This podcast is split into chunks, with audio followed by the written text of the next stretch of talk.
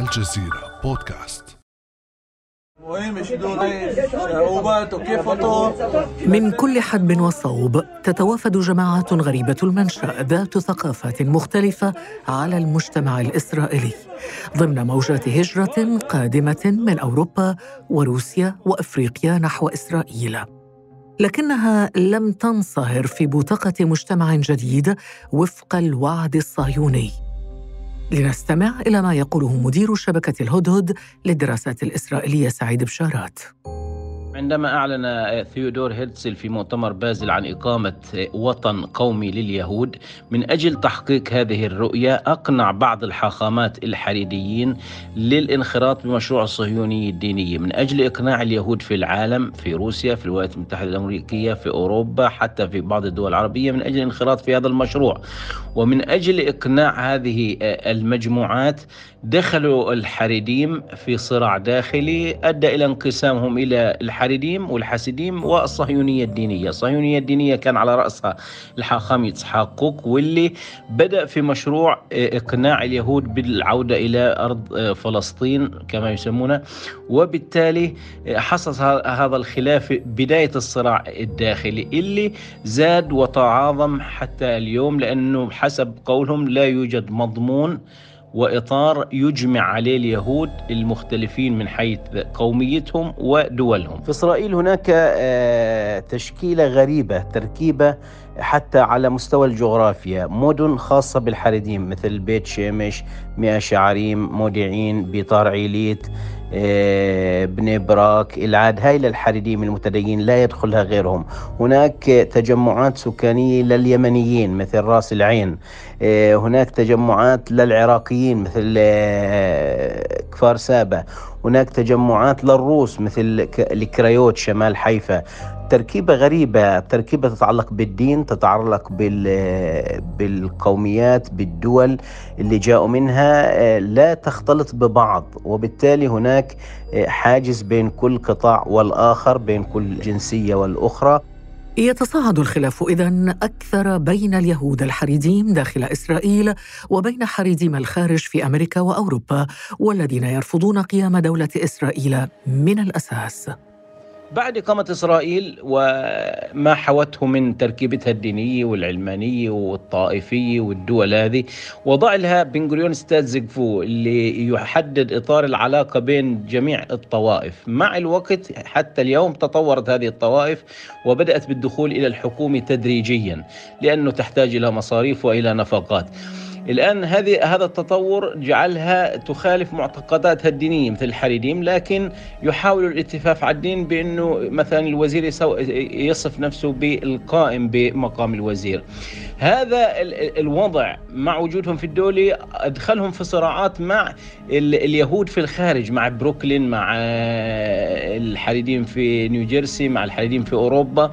وبالتالي لا زالوا لليوم ينظروا إلى الجيش الإسرائيلي بأنه الجيش البائد لا يزالوا ينظروا إلى إسرائيل على أنها دولة ما كان يجب أن تقوم. وبالتالي ما زالت الصراعات والخلافات إلى حد اليوم بين اليهود في الداخل واليهود في الخارج. واليوم وعلى خلفية هذه الخلافات يتخوف ساسة إسرائيل من موجة انشقاقات داخلية. فقد صرح الرئيس الإسرائيلي إسحاق هرتسوك في ديسمبر الماضي أن إسرائيل تشهد انشقاقا خطيرا يهدد بتقويضها من الداخل. فهل يعيش المجتمع الإسرائيلي بذور انشقاق في الداخل والخارج؟ وما تأثير هذه الخلافات على وحدة إسرائيل ودعمها؟ وماذا عن فكرة تديين الجيش الإسرائيلي المطروحه حاليا؟ أو عن خلاف الحاخامات فيما بينهم؟ بعد أمس من الجزيرة بودكاست أنا خديجة بن جنة ويسعدني أن أستضيف في هذه الحلقة الدكتور مروان المعشر نائب رئيس مركز كارنيجي للدراسات والأبحاث. أهلا وسهلا بك دكتور. أهلا فيك. أهلا. دكتور مروان المعشر أنت كتبت مؤخرا مقالة بعنوان بذور انشقاق في المجتمع اليهودي داخليا وخارجيا وقلت إن ثمة ملامح انشقاق مجتمع يهودي غير مسبوق تتبلور منذ إنشاء دولة إسرائيل.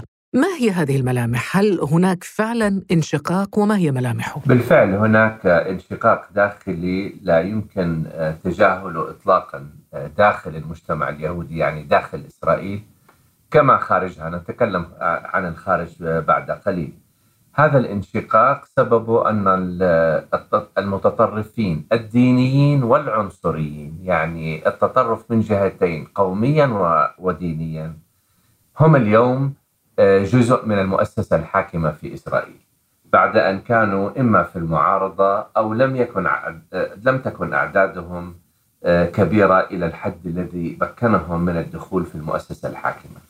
أهم ما يميز هذا الانشقاق الداخلي اليوم هو محاولة تقزيم القضاء بمعنى أن داخل إسرائيل اليهود كانوا دائما يعتبرون المؤسسة القضائية على أنها عنوان لضمان الحريات الأساسية. طبعا ليست الحريات لغير اليهود يعني للفلسطينيين ولكن فقط لليهود. اليوم هناك محاولة لتقزيم هذه المؤسسة القضائية عن طريق السماح للكنيسة بسن قوانين حتى لو لم توافق عليها المؤسسة القضائية. وبالتالي هناك إخلال واضح في آه، عملية تقاسم السلطة بين السلطتين القضائية والتشريعية آه، والتنفيذية وهو ما يهدد بمحاولة آه، طغيان المؤسسة الدينية والمؤسسة العنصرية المتطرفة على مجريات الحياة داخل إسرائيل وهو ما دفع العديد من الإسرائيليين اليوم إلى التظاهر بأعداد متزايدة. إذا تقصد دكتور مروان معشر أنه هناك محاولات لتقزيم القضاء لصالح توسيع صلاحيات الكنيسة الإسرائيلي. تماما. خاصة كما نعرف أن الكنيسة الإسرائيلي اليوم يسيطر عليه وتسيطر عليه الجماعات الدينية والمتطرفة. وبالتالي هي محاولة للسيطرة المتطرفة على مجريات الأمور حتى لو لم تسمح السلطة القضائية بذلك. هناك أيضا محاولة أخرى للتدخل في الجيش الذي يعتبره الإسرائيليون يعني مؤسسة مستقلة عن السياسة وتعيين حاخام يهودي طبعا آه، في الجيش حاخام أكبر للجيش يأتمر بإمرة السلطة الدينية وليست بإمرة السلطة العسكرية. ويعتبر طبعا الإسرائيليون المدنيون ذلك آه، محاولة للتدخل في شؤون الجيش وإعطاء أوامر للجيش طابعها ديني متطرف آه، وغير مستقل عن السلطة العسكرية. فكل ذلك بدي أحكي يبشر بأزمة داخلية بين المجتمع اليهودي غير مسبوقة. في الماضي كان المدنيين الإسرائيليين يتجاهلون الانتهاكات الإسرائيلية ضد الحقوق الفلسطينية. طب كانوا يتجاهلون وأنت تستعمل مصطلح دكتور مروان تستعمل مصطلح وهذا يبشر لكن هذا لم يبشر على مدار يعني من عام 1948 والدولة مستمرة بالرغم من كل الخلافات الجوهرية التي شهدتها على مدار هذا التاريخ. فما الجديد الآن؟ الجديد أن المؤسسة الدينية اليوم آه، حاكمة في إسرائيل وهي لم تكن حاكمة بهذا المعنى في السابق. وهي حاكمة بشكل عنصري. لم يعد باستطاعة آه هذه العنصرية أن يتم تجاهلها لا داخل المجتمع الإسرائيلي المدني ولا خارج هذا المجتمع. يعني العنصرية الإسرائيلية التي كنا نعرفها جميعا نحن ولكنها لم تكن بهذا بهذا الوضوح في السابق. اليوم هذا الوضوح موجود داخل المجتمع اليهودي وخارج المجتمع اليهودي أي من المجتمع الدولي.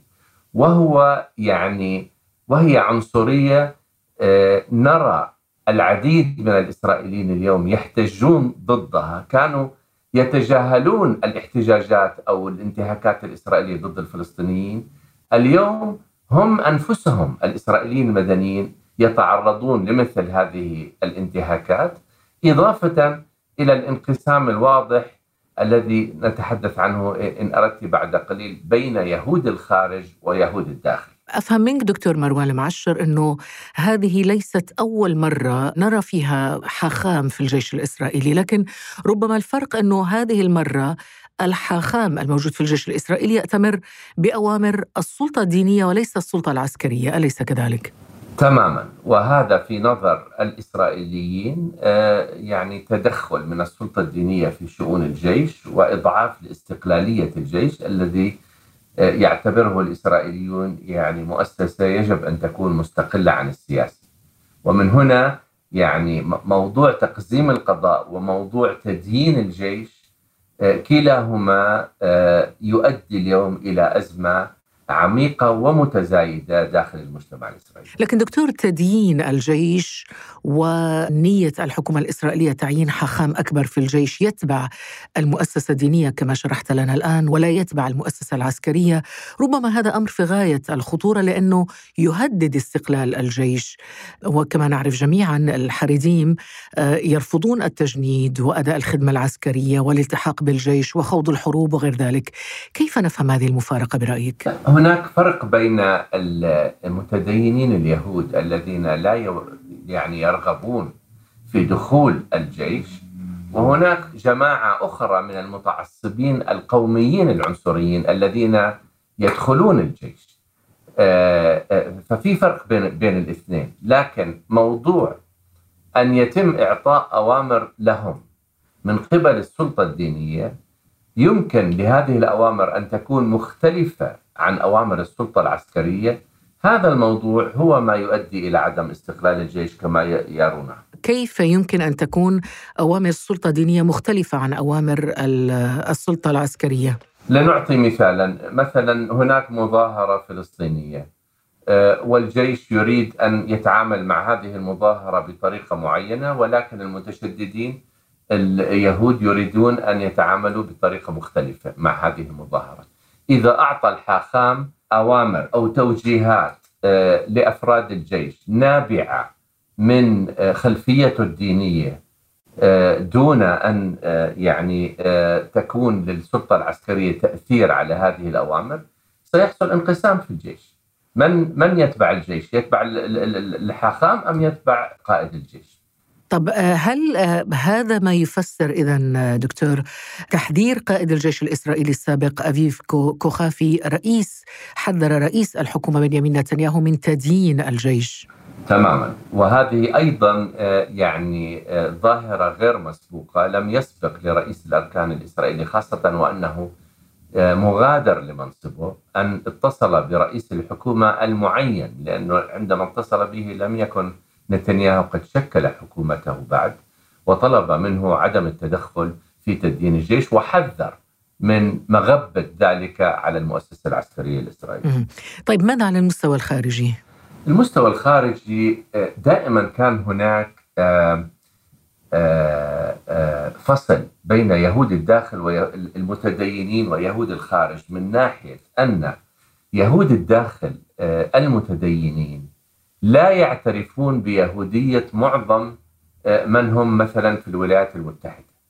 باعتبار أنهم بدهم يرجعوا أصل ال ال اليهودي إلى 14 جيل آه، من آه، اليهودية. بينما هناك العديد مش العديد معظم اليهود الأمريكان هم يهود تحولوا إلى اليهودية في أوقات قريبة يعني وليسوا يعني ولم يكونوا يهود منذ أجيال كبيرة من الزمن. هذا الانقسام كان دائما موجود إنما بسبب أن اليهود المتدينين لم تكن لهم سلطة في الماضي على المؤسسة السياسية كما لهم اليوم لم يكن هذا الموضوع موضوع يعني يؤثر على يهود الخارج وبالأخص على يهود الولايات المتحدة كما يؤثر عليهم اليوم. اليوم المؤسسة السياسية الإسرائيلية آه، فيها أفراد فيها أعضاء من الحكومة آه، يرغبون أو أو لا يعترفون بيهودية معظم من هم في الخارج وبالتالي آه، وبالأخص اليهود الأمريكان وكما نعرف يعني جل المساعدات الأمريكية التي تذهب لإسرائيل عدا المساعدات الرسمية من الإدارة الأمريكية. هي مساعدات من الجالية اليهودية.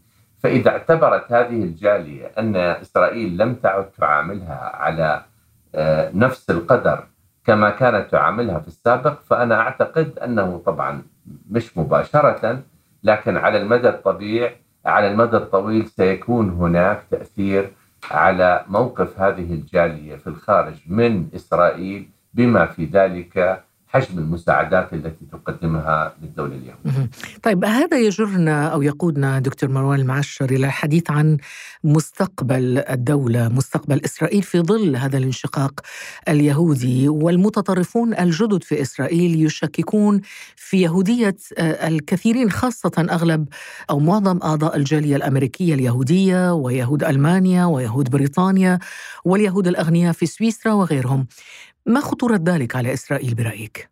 هناك يعني خطورة آه، داخلية وخارجية على إسرائيل آه، لا تعيها أو آه، إن وعدتها إسرائيل فهي لا تقوم بشيء من أجلها يعني رفض إسرائيل لحل الدولتين في الماضي أدى ليس فقط إلى قتل هذا الحل ولكن إلى الآن وجود أغلبية فلسطينية داخل الأراضي التي تسيطر عليها إسرائيل اليوم عدد الفلسطينيين العرب داخل الأراضي التي تسيطر عليها إسرائيل أكبر من عدد آه، آه، آه، الإسرائيليين اليهود. كم تقريبا؟ يعني هناك 7.4 مليون فلسطيني عربي مقابل 6.8 مليون إسرائيلي يهودي. وهناك 300 إلى 400 ألف من اليهود ممن هم ليسوا من الإسرائيليين ممن هم ليسوا يهودا وليسوا عربا اللي هم أقران من أتوا من الاتحاد السوفيتي.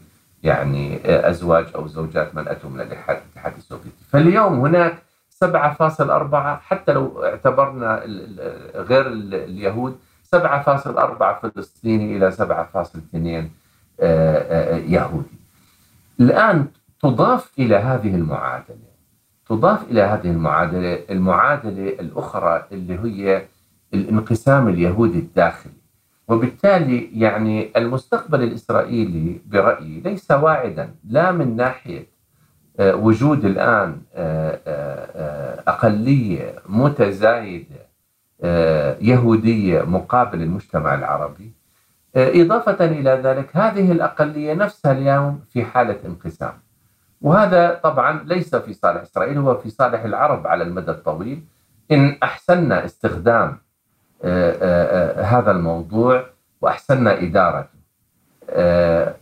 صحيح أنه سيأخذ بعض الوقت برأيي ولكن بذور الانقسام تتزايد داخل المجتمع الإسرائيلي بشكل غير مسبوق. طب ما الذي يغذيها؟ هل هل يغذيها التمييز العنصري في المجتمع الإسرائيلي مثلا؟ بدون شك بدون شك يعني إسرائيل دولة دولة دولة عنصرية بكل معنى الكلمة. إسرائيل تطبق اليوم نظامين قضائيين منفصلين. آه، واحد آه، للمستوطنين الإسرائيليين في الأراضي الفلسطينية المحتلة وواحد للفلسطينيين تحت الاحتلال. كما تطبق نظاما قضائيا منفصلا داخل إسرائيل نفسها يميز بين الإسرائيليين اليهود والإسرائيليين العرب. هذا هو التعريف القانوني للأبرتايد يعني ليس التعريف العاطفي. وبالمناسبة هناك منظمات حقوقية دولية صنفت آه، النظام الإسرائيلي على أنه نظام أبارتايد نعت إسرائيل بالأبارتايد قبل خمس أو ستة أعوام. كان يعتبر من المحرمات دوليا. اليوم آه، أكبر منظمة حقوق إنسان داخل إسرائيل بتسيلم آه، قالت أن إسرائيل دولة فصل عنصري. Human Rights Watch Amnesty International العديد حتى المؤسسة التي أعمل فيها مؤسسة كارنيجي أصدرت تقريرا قبل آه، سنتين ونصف أيضا آه، نعتت في إسرائيل بدولة الفصل العنصري. فلم يعد العالم يستطيع أن يتجاهل الانتهاكات المتزايدة لإسرائيل. كان في الماضي كما قلت كان اليهود بالأخص في العالم يتجاهلون هذه الانتهاكات لأنها ضد فلسطينيين. اليوم أصبحت ضد إسرائيليين وبالتالي وضدهم أيضا. خاصة يهود الخارج.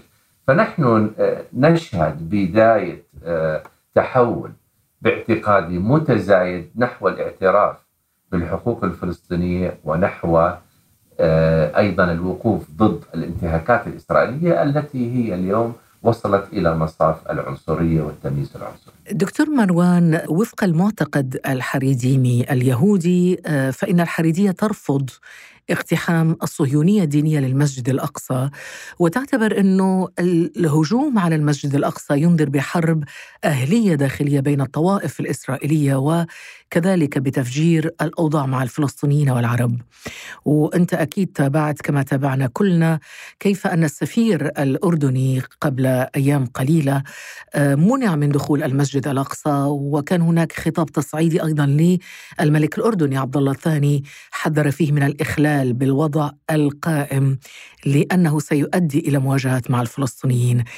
هل برأيك الأوضاع ذاهبة نحو الانفجار في ظل هذه السياسات الإسرائيلية؟ آه بدون شك آه إسرائيل تهدد اليوم الوضع القائم الذي تم الاتفاق عليه منذ زمن بعيد وهذا الوضع القائم يقول أن الصلاة داخل حرم المسجد الأقصى هي للمسلمين فقط. صحيح أن المتشددين يعني لا يرغبون ربما في الدخول إلى ما يدعونه قدس الأقداس ولكنهم آه، يريدون الدخول إلى ساحات المسجد الأقصى والصلاة فيها. آه، آه، هذا يهدد بشكل كبير الوضع القائم. الأردن حذر مرارا حكومات إسرائيلية متعاقبة من خطورة هذا الموضوع لكن يبدو أن الحكومة الإسرائيلية الحالية غير مكترثة بذلك وتحاول بشتى الطرق آه، تغيير الوضع القائم وما محاولة منع السفير الأردني قبل بضعة أيام إلا واحدة من محاولات متكررة رأيناها في السابق وسنراها في المستقبل. وأنا أعتقد أن الوضع مهدد بالانفجار بدون شك. والأمر دكتور مروان يتعلق بالمسلمين والمسيحيين على حد سواء. هناك حرب مستمرة أيضا تشنها إسرائيل على الوجود العربي المسيحي والمقدسات المسيحية حيث تناقصت أعداد المسيحيين داخل فلسطين ربما من تراجعت من 20% إلى أقل من 1% اليوم. لماذا تسعى إسرائيل برأيك لمسح الوجود العربي المسيحي في فلسطين؟ هذا موضوع في غاية الخطورة. تناقص أعداد المسيحيين العرب في فلسطين يهدد بتحويل الصراع كما تريده إسرائيل أو كما تريد تصويره إسرائيل على أساس أنه صراع ديني بين المسلمين واليهود وأن الغرب لا علاقة له بذلك باعتبار أن الغرب معظمه مسيحي.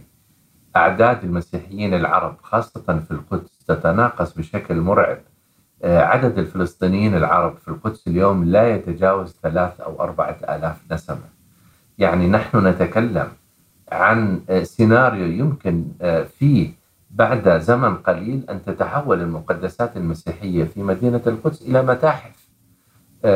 يزورها الناس ولكن ليس هناك من مسيحيين عرب فيه نعم ربما نخصص له حلقة مخصصة للوجود المسيحي الوجود العربي المسيحي والمقدسات المسيحية بفلسطين.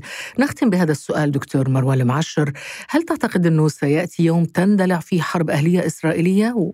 على ضوء كل اللي ذكرناه من انشقاقات وانقسامات؟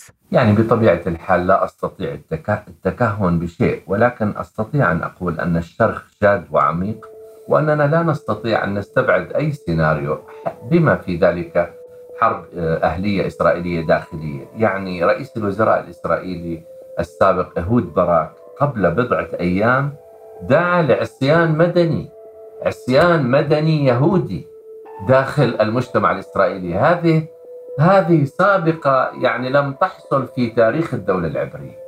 آه، أن يدعو رئيس وزراء سابق الناس إلى عصيان مدني. ولذلك لا أستبعد أي شيء إن بقيت هذه الأزمة على حالها آه، وأنا أعتقد أن هذه الأزمة آه، يعني في تزايد مستمر. شكرا جزيلا لك دكتور مروان المعشر نائب رئيس مركز كارنيجي للدراسات على كل هذه المعلومات وهذا النقاش الجميل حول بوادر الانشقاق المجتمعي في إسرائيل، شكرا لك. شكرا شكرا لك سيد خديجة. كان هذا بعد أمس.